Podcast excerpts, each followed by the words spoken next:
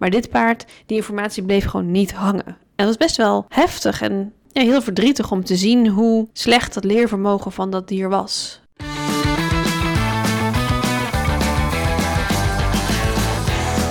Leuk dat je luistert naar de paardenpodcast van Horse in Mind. Ik ben Rianne Dekker en in deze podcast hoor je toffe gesprekken met experts over het houden en trainen van paarden. Met al deze experts heb ik één ding gemeen en dat is dat we een wereld vol gezonde en gelukkige paarden willen.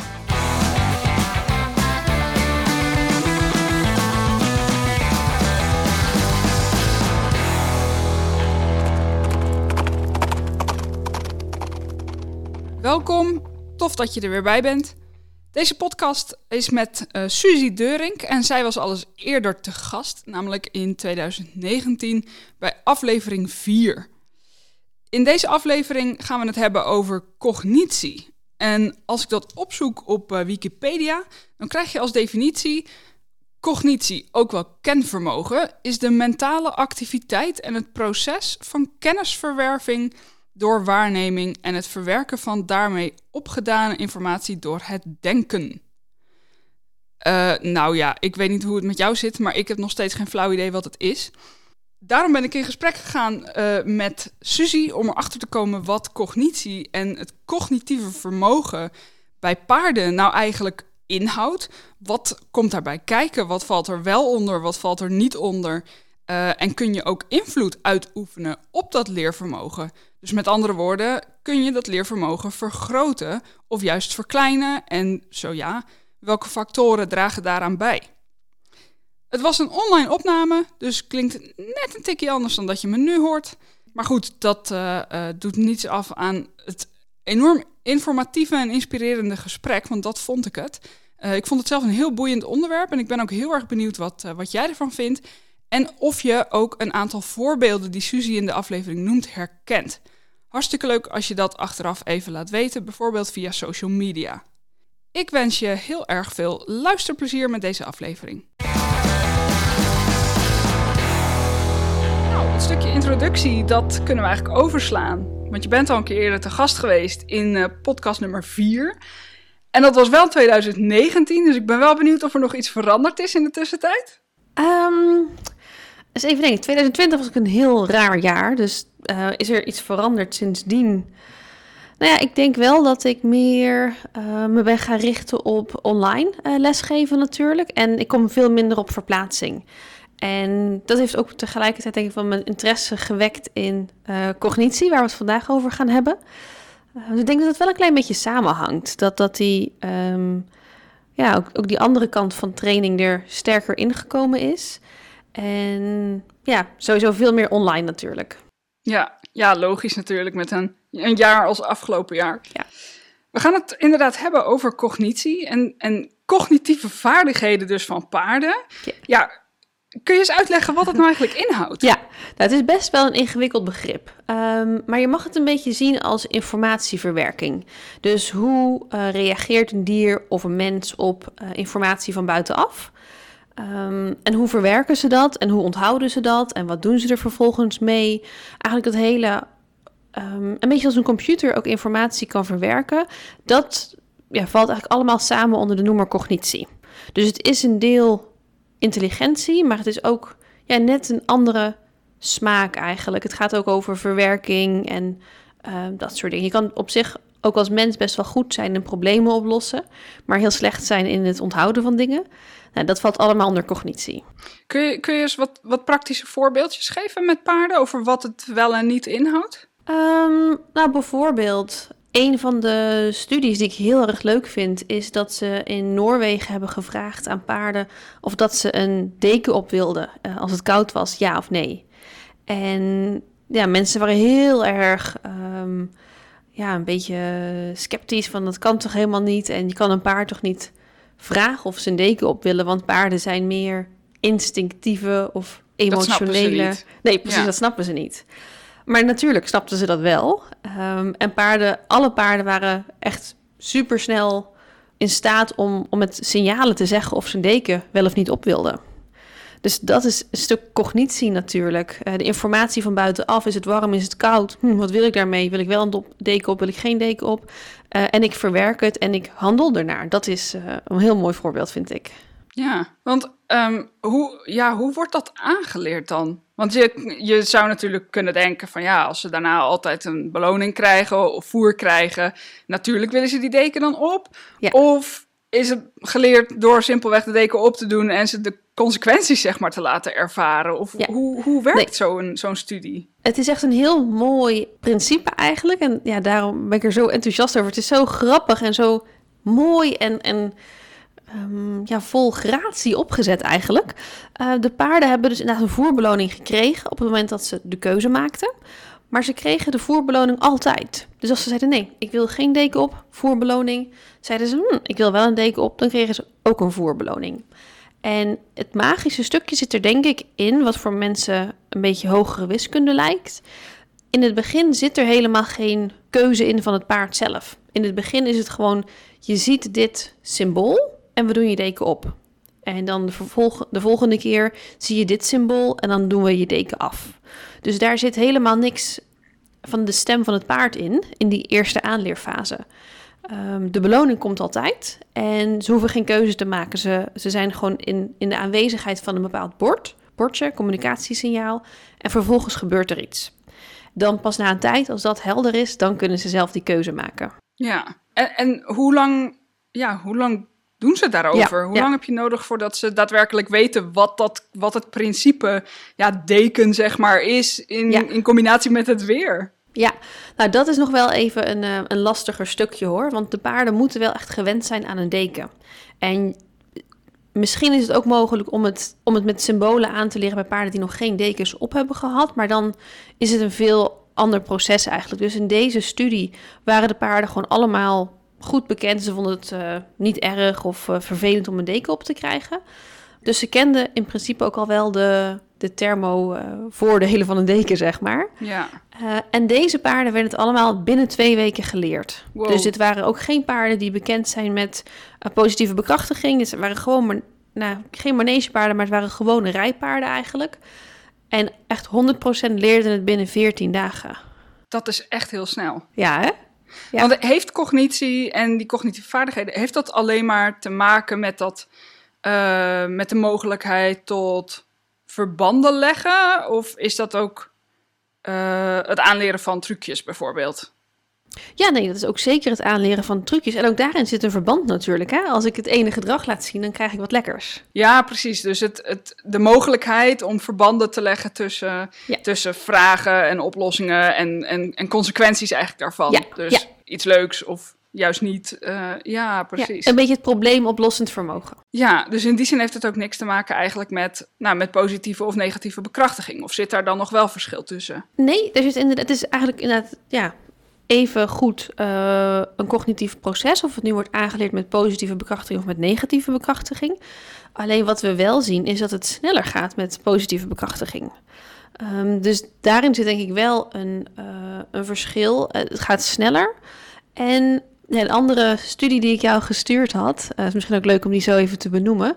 Daarin werd ook gezien dat de lange termijn eh, geheugens van paarden beter waren als iets was aangeleerd met positieve bekrachtiging.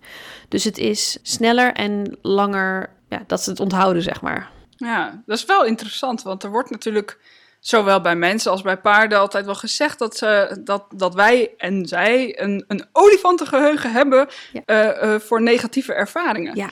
Maar dat is dus eigenlijk, geldt dat dus ook voor, voor Ja. de positieve ervaringen, of Ja, niet? misschien hebben ze gewoon sowieso een heel goed geheugen. Ja. Eh, ik denk wat daarin wel zit, is eh, de negativity bias.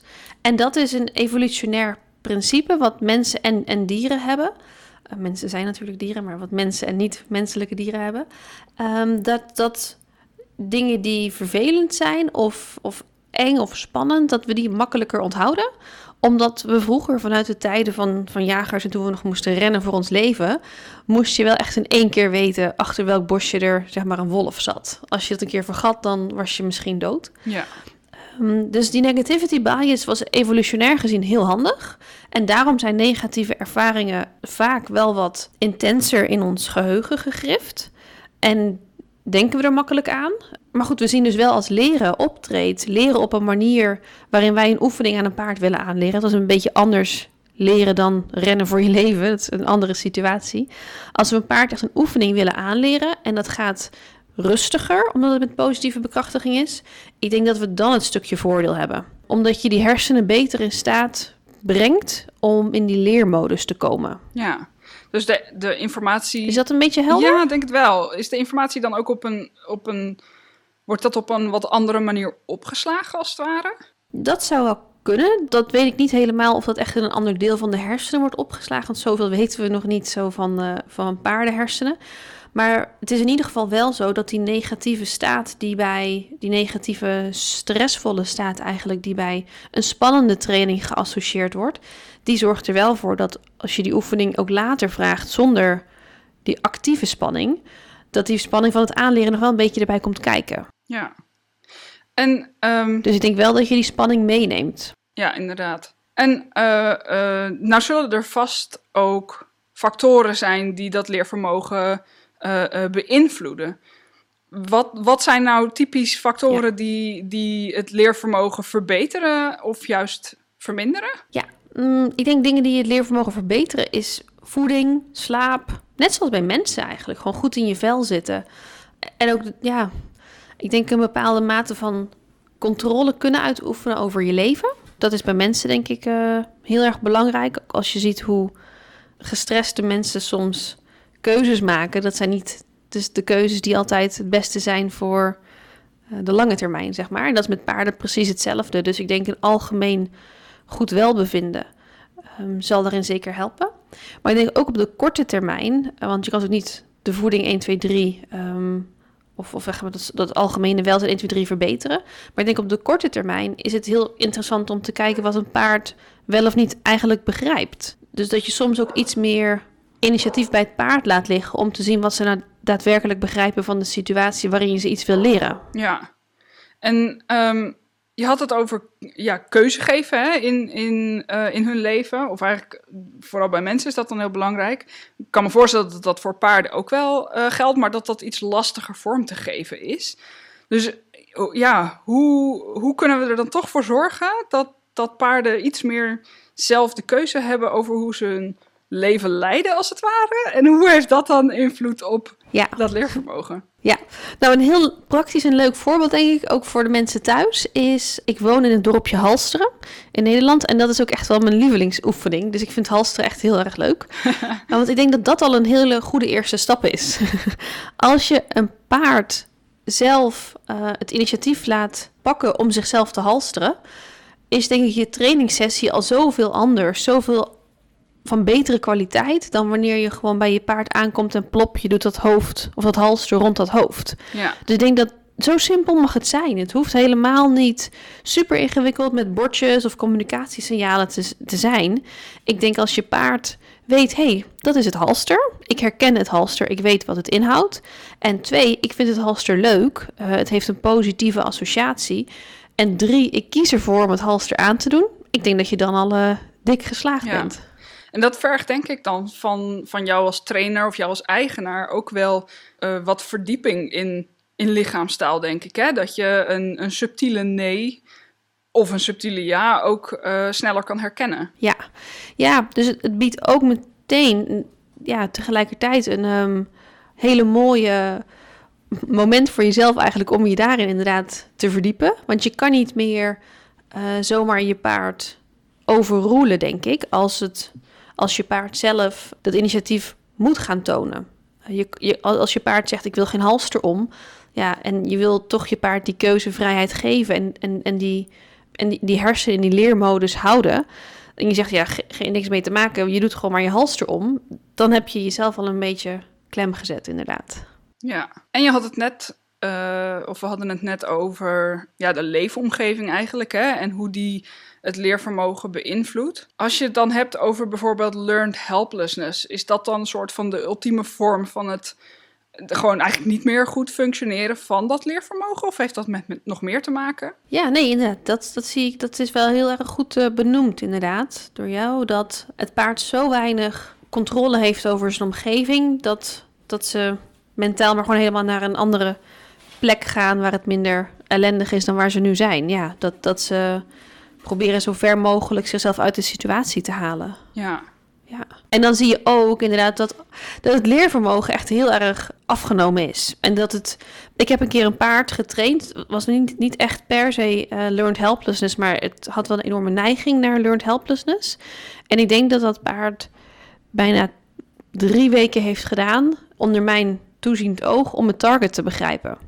En dat was niet dat de eigenaar het verkeerd deed. Het was echt samen met mij. En dat paard bleef maar keer op keer denken: target, nog nooit gezien. Wat moet ik daarmee doen?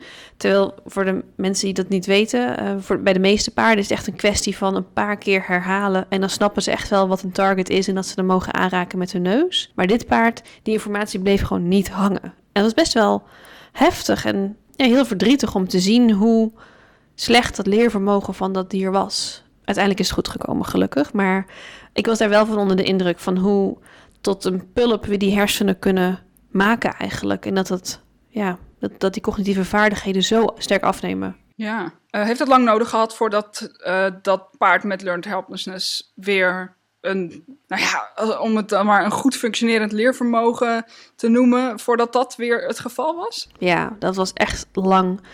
Um, dat, dat target, dat was dus wel na een paar weken. Heb je het dan over maanden of jaren? Jaren, ja. Dat target, kijk, het gaat wel. Het target is ja. aangeleerd binnen een paar weken. Maar ik zie nu pas het paard 2,5 jaar later. Ik zou zeggen dat het nu een oké paard is. Dat het nu een, een uh, goed of een uh, voldoende leervermogen heeft voor die beperkte dingen die wij eigenlijk vragen. Want we vragen nog steeds geen hele super ingewikkelde dingen.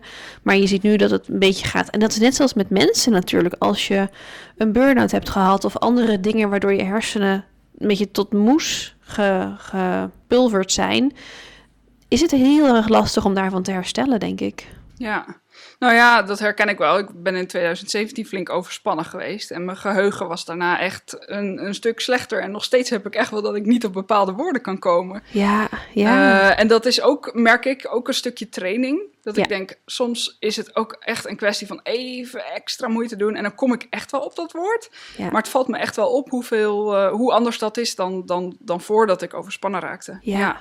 ja precies. Ja, dat kan je helemaal zelf onderschrijven ja, inderdaad. En uh, nou, ik moet even denken aan, uh, aan mijn paard King, die ik in oktober heb laten inslapen. En ook wel trainingspaarden die ik heb gehad, die dan toch wel een soort van ja, braaf doen, eigenlijk wat je, wat je van ze vraagt, maar dat er heel weinig eigen initiatief in zit. Uh, en nou hadden we het over dat verbeteren van, van de leefomstandigheden.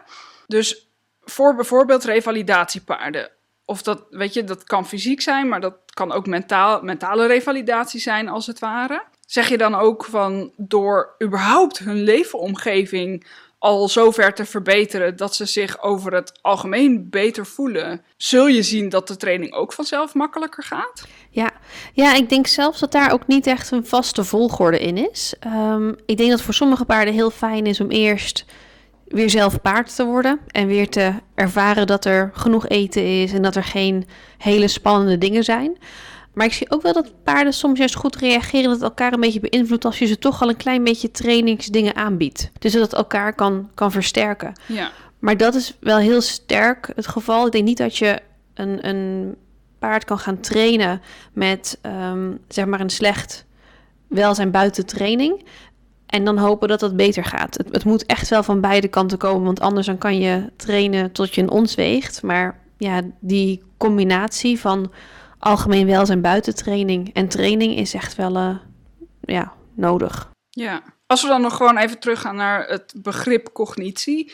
Ja, hoe ver, hoe ver valt dat door te trekken? Want ik, ik volg op Instagram bijvoorbeeld um, uh, uh, Bunny, de hond met de, met de knoppen. Misschien dat je die wel kent. Ja. Ja. Uh, en die heeft echt een, een arsenaal aan knoppen. Ik denk wel een stuk of 50. En die ja. kan inmiddels dus na een hele lange periode, maar over een heleboel dingen eigenlijk praten tegen zijn baasje. Ja. Uh, in, in, in hoeverre zou zoiets mogelijk zijn met paarden? Ik denk prima. Ik denk dat het zeker ook mogelijk is met paarden, omdat we ook wel zien, we vonden honden eerst heel erg speciaal als wetenschappelijk uh, vakgebied.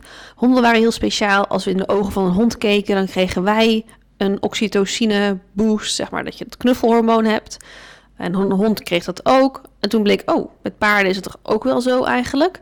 Dus op veel vlakken beginnen we in te zien dat die hele speciale rol die we voor honden hadden bedacht, dat paarden er eigenlijk ook best wel goed mee zijn. Ehm, dus ik denk dat het nog maar een kwestie van tijd is voordat we paarden ook met die knoppen kunnen gaan uh, dingen gaan ondervragen en kijken wat ze willen. Ja. Het lijkt me wel heel erg leuk. Ik ben dan wel benieuwd hoe, uh, uh, of het dan dus uitmaakt dat we, nou ja, met een hond bijvoorbeeld, eigenlijk de hele dag, ja, ben je bij elkaar in de buurt.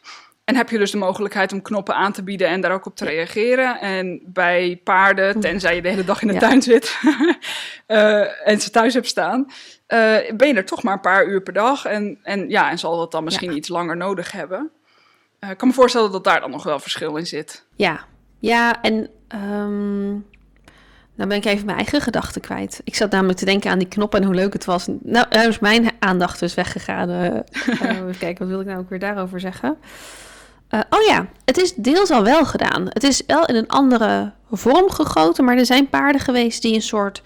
Um, ik weet niet of je me ziet, maar het is een soort van hoofdletter I. Daarin liepen ze. En dan had je dus de ene tak naar links en de andere tak naar rechts. Oh ja. En uh, het ging dus niet zozeer echt om een knop, maar wel om het maken van een keuze. Als je die kant uitging, dan gaan we altijd iets bepaalds doen. En als je die oh. kant uitgaat, dan gaan we altijd iets anders bepaalds doen. Ja, precies. En dat was prima. Daar konden paarden makkelijk keuzes in maken. Het was helemaal niet moeilijk voor ze. En um, ze kon het ook heel makkelijk leren. Het verschil zit natuurlijk wel met die knoppen is niet zozeer wil je optie 1 of wil je optie 2, maar zeg maar gewoon wanneer jij wat wil. Dat is wel, die knoppen zijn daarin net iets anders. Ja, ja precies. Je stelt niet zozeer een vraag, een, het dier heeft de knop. Ja, inderdaad. Dus je zou dat dan eigenlijk, uh, wat je zegt met die, die, die ijssplitsing, je zou verschillende buttons neer kunnen zetten of, of uh, verschillende kleuren pionnen eigenlijk. En op die manier je paard misschien laten kiezen wat je gaat doen vandaag. Ja.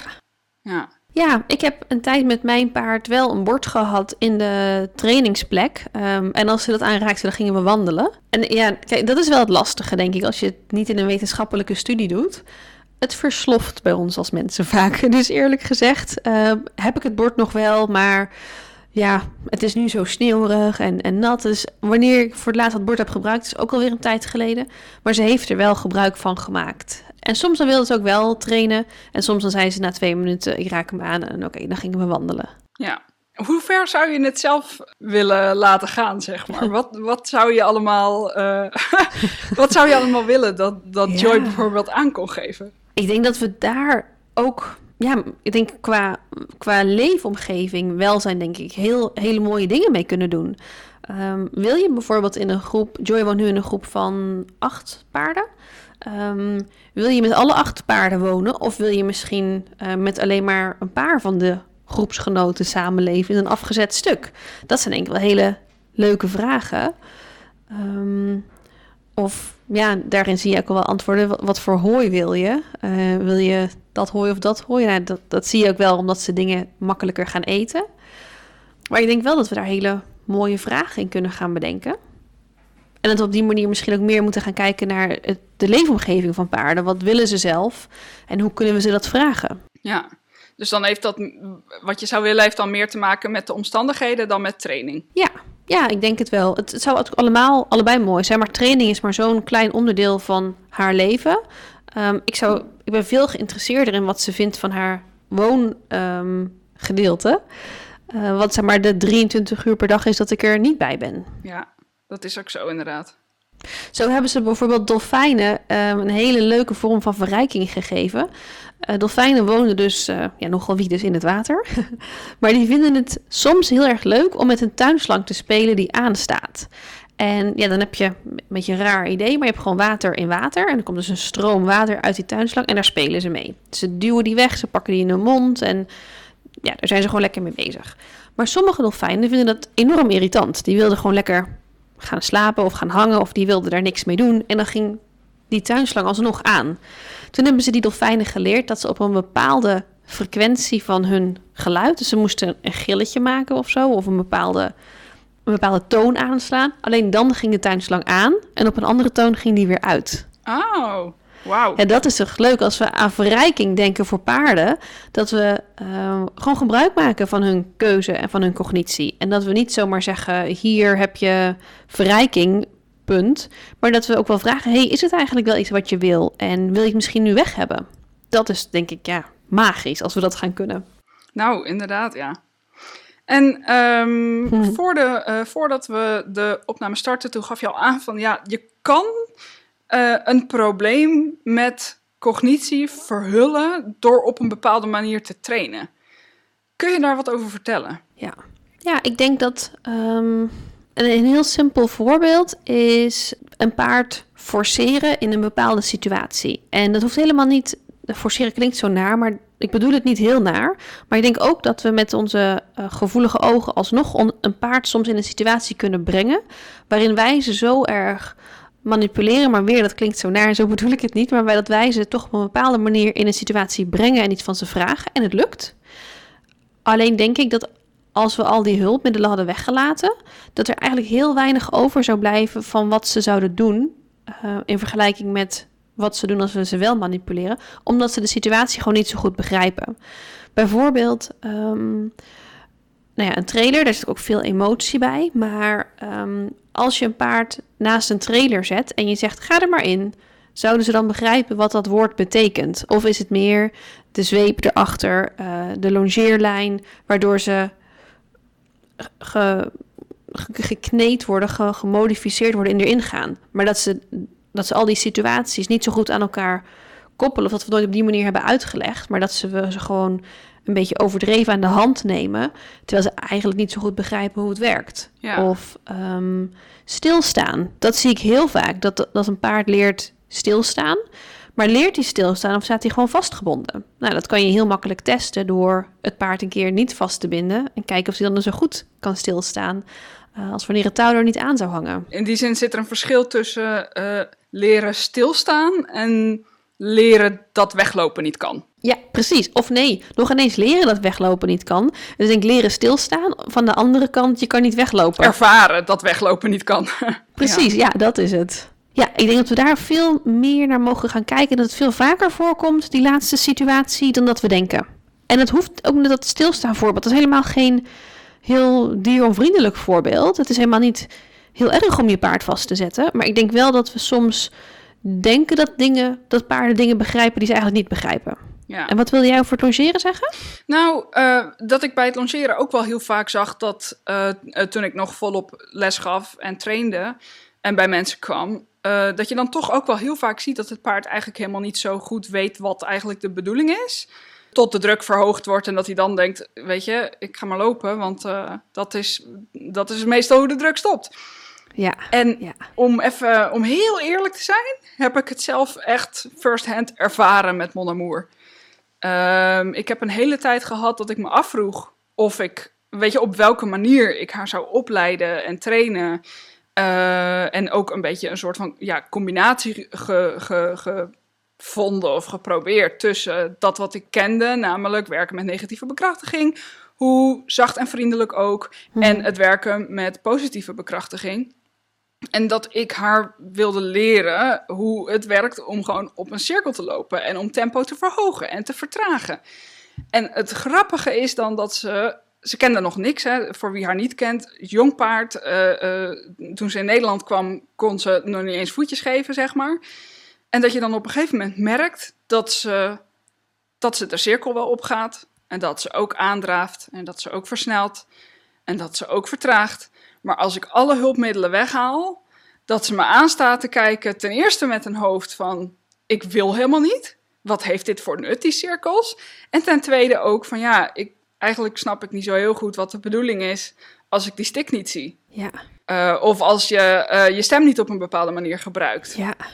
Ja. En dat is toch wel, dat is toch best wel confronterend. Zeker als ik het nu zo hardop zeg op deze manier. Ja. Dat ik denk, wow, dat is best wel, um, ja. nou ja, leerzaam vooral ook. Ja. En ik ben nog steeds eigenlijk aan het uitzoeken hoe ik dit allemaal voor elkaar krijg uh, op een andere manier. Maar goed, dat ja. is weer een ander topic. Nou, maar ik denk dat je daar wel een heel mooi punt aanhaalt. Want ik ik uh, ben veel bezig met cognitie, maar niemand weet dit. Hè? Dit is best wel onontgonnen terrein. En ik denk dat het daarom zo interessant is, omdat we allemaal pioniers zijn. En nou, we zien uit wetenschappelijke studies dat het goed gebruiken van cognitie enorm veel voordelen heeft. Maar hoe werkt dat dan inderdaad? En um, ja, daarin zijn geen, geen antwoorden, want het is super nieuw. En ja, ik denk dat, dat we daar gewoon samen moeten uitvogelen wat we het beste kunnen doen. En um, uh, ook niet te streng voor onszelf zijn, dat vooral. Ja, ja, dat zeker. Dat zeker. En gelukkig zijn uh, paarden, uh, nou ja, gelukkig of helaas, zijn paarden best heel vergevingsgezind. Ja. Dat kan voor ons werken, maar niet altijd voor hen. nee, nee, precies. Dat is waar. En je had het over, over intelligentie ook in het begin. Nou kan het dus ook zijn, gok ik, dat een paard wel slim is, maar dat het er niet uitkomt dat je dat gewoon niet merkt. Dat, er zijn best wel veel eigenaren die zeggen van ja, mijn paard is gewoon niet zo slim. Het is eigenlijk een beetje een dom paard en uh, snapt, het toch, uh, snapt het allemaal niet zo snel. Ja. Is dat echt zo? Of... Nou, natuurlijk zullen er vast wel slimme en domme paarden zijn, zoals er ook uh, bij mensen verschillen zijn. Maar ik, wat ik daarin zo leuk vind, is dat de meeste paarden waarvan mensen denken mijn paard is dom, dat die helemaal niet zo dom zijn als je ze gewoon de vraag op de juiste manier stelt. En daarin heb ik een heel erg interessant boek gelezen over bandbreedte bij mensen. Um, Scarcity heet het. En um, daarin hebben ze gekeken naar één groep mensen die in een bepaald deel van het jaar veel stress hebben en die terugkerend in een ander deel van het jaar heel weinig stress hebben. Ja, bizarre onderzoeksgroep, maar ze, ze zijn gevonden. En die mensen zijn in de periode dat ze veel stress hebben onderworpen aan een IQ-test. Nou, wat denk je, zijn enorm dom. Maar diezelfde mensen zijn later in het jaar met weinig stress, hebben ze weer diezelfde IQ-test gedaan. En toen waren ze heel slim. Wow. Dus ik denk dat we daar bij paarden ook meer gebruik van maken. Als we zien dat een paard niet zo makkelijk leert, hoeft hij helemaal niet dom te zijn. Maar ik denk meer dat het dan weer gaat om die hersenen in de juiste ontspanning te krijgen en om die cognitie op de juiste manier aan te spreken. In plaats van te denken, mijn paard is dom en kan niks leren. Ja, precies. Dus um, en even praktisch, hoe, hoe zou je daar dan mee aan de slag kunnen met je paard? Of wat, hoe zou je dat eruit kunnen krijgen, als het ware, om dat, dat, dat, die slimheid eruit lokken? ja. Ja, ik denk, ik wil niet uh, vervallen in hetzelfde advies, maar ik denk dat keuzevrijheid voor het paard uh, en um, positieve bekrachtiging daarin echt wel het allermakkelijkste zijn om daarmee te beginnen. Um, dus dat je bijvoorbeeld kijkt uh, dat je achter een draad gaat staan en je steekt je target uit. Dus je paard wordt niet zomaar geconfronteerd met opeens een target voor zijn neus, maar het target is op een afstand. Heeft je paard dan genoeg inzicht om te begrijpen: hé, hey, ik ken dat voorwerp en ik weet wat ik ermee kan doen, ik ga er naartoe.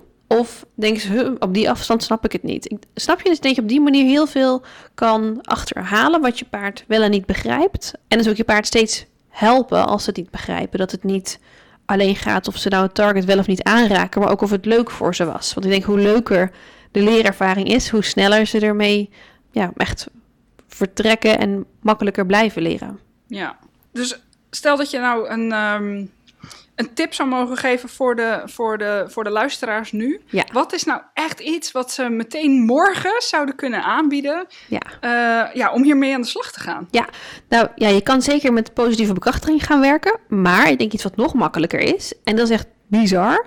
Je pakt een paar voertjes in je hand en je strooit ze op de grond. En je kijkt of je paard daarmee genoeg informatie heeft. Want de paarden die ik gezien heb, echt 85 tot 90 procent, je gooit die brokjes op de grond en ze denken, huh, waar zijn die brokjes? Ik wil een brokje, maar geef me maar een brokje. Die niet begrijpen dat ze moeten snuffelen en dat ze hun neus naar beneden moeten doen om die brokjes te pakken. Dus ik denk dat dat al een eerste stap is in het ja, kijken wat je paard nou wel en niet begrijpt. Dus je hebt, het is heel simpel, je hebt brokjes in je hand, je laat ze zien aan je paard en je legt ze op de grond en dan wacht je af. En, dan, en wat als ze ze dus niet vinden? Ja, dan, Doe je dan iets ja, of blijf je wachten? Ja, nee, nee zeker. Je, je, dat is echt wel het belangrijkste in alles. In al die leerervaringen, al die situaties waarin we ons paard hebben. Um, het gaat er niet om dat ze het wel of niet doen. Het gaat er vooral om of ze het leuk vinden om de puzzel op te lossen. En um, hierin wil je ook zeker geen frustratie uh, laten ervaren. Dus als ze het niet snappen, dan zou ik door je knieën buigen en uh, met je hand naar de grond, bijvoorbeeld een paar brokjes op je hand, dat helpt nog wel, en een paar brokjes ernaast. eh, terwijl je hand eh, met de rug op de grond ligt. Of bijna op de grond, op die manier. Dus misschien moet je zelfs je hand nog iets van de grond halen. Maar ehm, dat het soort van situatie die ze wel kennen, namelijk snoepjes van je hand eten, vervlochten wordt met een situatie die ze nog niet kennen, brokjes op de grond en dat je die een beetje door elkaar begint te mixen tot een soort uitkomst die ze wel begrijpen. Ja. Ja, en zo kun je dat dus langzaamaan vertalen naar een heleboel situaties. Ja, ja. en ik, ik blijf het wel bijzonder vinden hoor, hoe moeilijk het is voor paarden om die brokjes dan van de grond te eten. En hoe gek we dat hebben eigenlijk hebben afgeleerd of zoiets. Ik weet niet wat het is waardoor ze het niet kunnen. Maar ehm, heb jij dat zelf wel eens gezien trouwens of geprobeerd? Ja, absoluut. Ik zie een duidelijk verschil ook tussen, uh, tussen Glitter, Mon Amour en voorheen ook King. Mhm. Ehm, bijvoorbeeld pionnen aanraken, dat kon Mon Amour perfect gewoon vanaf de grond. En King snapte het targeten echt alleen maar als ik ze op neushoogte hield. Ja. Als het gaat om snoepjes op de grond, dan glitter, ja, die kun je echt voor, zijn, voor haar... Ik kan serieus van 10 meter afstand een appeltje de paddock ingooien. En ze gaat er achteraan en zoekt hem op en, en eet hem. Ja. Uh, zij weet dat perfect. Ja. Uh, nou scheelt het dat voor een mini-Shetlander zij überhaupt altijd dicht bij de grond ja, is. precies, dat scheelt. um, ja, maar Mon Amour, die, die, die snapt dat uh, minder goed. Ja. Ik moet haar wel echt een beetje, als ik haar bijvoorbeeld na een eindsignaal tijdens de training... Uh, nog wat brokjes of wat dan ook wil geven, zodat ik rustig weg kan gaan. Ja. Um, dan moet ik haar nog wel eventjes laten zien dat ze daar echt liggen. Ja, ja precies. Uh, anders dan komt ze meteen achter me aangelopen. Ja. Terwijl Glitter, die weet het prima. Ja. Ja, dus dat verschil zie ik wel. Ja, heel grappig. Ja, leuk. En dat is dan ook mooi, want ik zou dan, ondanks dat we zien dat ze van nature er meer moeite mee heeft, zou ik het wel zien als een vaardigheid die belangrijk is voor haar welzijn om ook uit te breiden. Um, dus misschien dat, dat jouw handsignaal uh, naar de grond al na een tijdje genoeg is. Um, en ik zou kijken of je zelfs vanuit daar, alsof je graszaadhooi gaat uh, zaaien. Echt zo, gewoon een hand zo de, Ja. de wijde wereld in, zeg maar. Of je ook op die manier brokjes zou kunnen strooien of stukjes appel. En dat ze alsnog denkt van, hé, hey, ik weet dat er wel wat ligt. En dat ze dat vertrouwen in zichzelf heeft. En dat vertrouwen in haar neus en in haar vaardigheid om die brokjes te zoeken. Dat ze denkt, ja, doei Rian, ik ga hier lekker mijn eigen brokjes bij elkaar snuffelen. En dat ze daarin zo Ja. tevreden is. En ja, op dat op die cognitieve vaardigheden van zichzelf kan vertrouwen in plaats van op jouw hulp altijd. Ja, een stukje, uh, stukje uh, speurwerk voor paarden eigenlijk. Ja, speurwerk, maar ook tegelijkertijd een stuk zelfvertrouwen, denk ik. Ja, dat hangt natuurlijk enorm samen. Ja. Maar bijvoorbeeld wat ik je ook gestuurd had, is uh, het werk van Brian Hare over Dognition. Um, waarin ze het dus hebben over cognitie bij honden. En daarin heb je een heel leuk experiment, wat hier een heel klein beetje op lijkt. Wat met paarden ook leuk te doen is trouwens. Je gaat stilstaan en uh, iemand anders heeft jouw paard op een paar meter vast. Laten we zeggen drie, vier meter. Je paard zit aan een halster met een touw. En um, je hebt twee um, plastic bekertjes. Alsof je gaat goochelen. En um, je paard ziet dat je een snoepje in een van de plastic bekertjes doet. Heel simpel. Dan, um, de plastic bekertjes staan op de grond natuurlijk. Het paard wordt eventjes uh, iets voor de ogen gehouden. Dus ja, dus het paard gewoon even niet kan zien wat er gebeurt. Ondertussen haal jij het uh, brokje van het ene plastic bekertje en dan doe je stiekem in het andere plastic bekertje. En dan is dus de vraag, vertrouwt het paard op zijn neus? Want ze, ze ruiken wel dat dat brokje natuurlijk maar in het ene kopje, het ene bekertje zit. Of vertrouwen ze op hun geheugen, omdat ze weten um, welk bekertje het brokje had. Hele interessante testen waaruit je niet zozeer kan zeggen dit paard is goed of slecht of dom of slim, maar meer wat is hun strategie. En dat vind ik wel leuk om daarin verschillende strategieën te gaan ontwikkelen. Dat ze ja, een rijkere, een rijker leven krijgen omdat ze verschillende strategieën kunnen gebruiken. Ja, dat is inderdaad wel echt een heel tof experiment. ja, zeker. Is er nog meer wat je, oh, wat je kwijt zou willen over dit onderwerp? Um, ja, ik denk de laatste, um, het laatste stukje, en dat heb ik zeker van Brian Hare geleerd, is dat als we kijken naar cognitie, is het niet zozeer wie is er slim en wie is er dom, maar gaat het meer om, om te zien of ja, de dingen die je doet met je paarden, dat wel past bij hun type cognitie, bij hun type persoonlijkheid klinkt zo vaag, maar wel bij, bij wie zij zijn en wat ze van nature graag willen doen. En dat vind ik zo leuk. Want ik zie het veel ouderwetse paardentesten, ehm, zoals left brain extrovert en dat soort dingetjes, ik weet ook niet of ik het goed zeg, dat is zo ehm, een beetje rigide. En misschien is dat mijn interpretatie ervan hoor. Maar ik vind het dus heel erg leuk om te zien hoe een paard evolueert in het gebruik van die verschillende strategieën. En dat je daarin niet zozeer een stempeltje plakt, maar meer kijkt hoe het nu is en ja, wat leuk is voor jullie samen en wat je daarin kan veranderen. En waar kunnen mensen terecht als ze nog meer zouden willen weten over cognitie en de cognitieve vaardigheden van hun paard? Waar kunnen ze jou vinden? Um, nou ja, je kan altijd op mijn um, uh, Facebookpagina kijken. Ik ga iedere woensdagavond daar uh, live. Dus ook als je vragen hebt over cognitie, kan je ze altijd even naar me e-mailen. Dat is suzy.durink.com. En dan beantwoord ik dus ook vragen van mensen over cognitie. Dus als je een vraag hebt over jouw paard, uh, zou ik hem misschien deze woensdag al kunnen beantwoorden. En ik denk verder dat we um, ook in de Starters Kit Clicker training heel erg veel werken aan die cognitieve vaardigheden van jouw paard om te kijken wat ze nou wel en niet begrijpen. Dus dat zijn, um, ja, denk twee hele goede eerste stappen om um, te zetten met een paard. Tof. Dankjewel voor de informatie en inspiratie. Ja, heel erg graag gedaan. Heb jij nog vragen? Nee, nee, het is, uh, het is me helemaal duidelijk.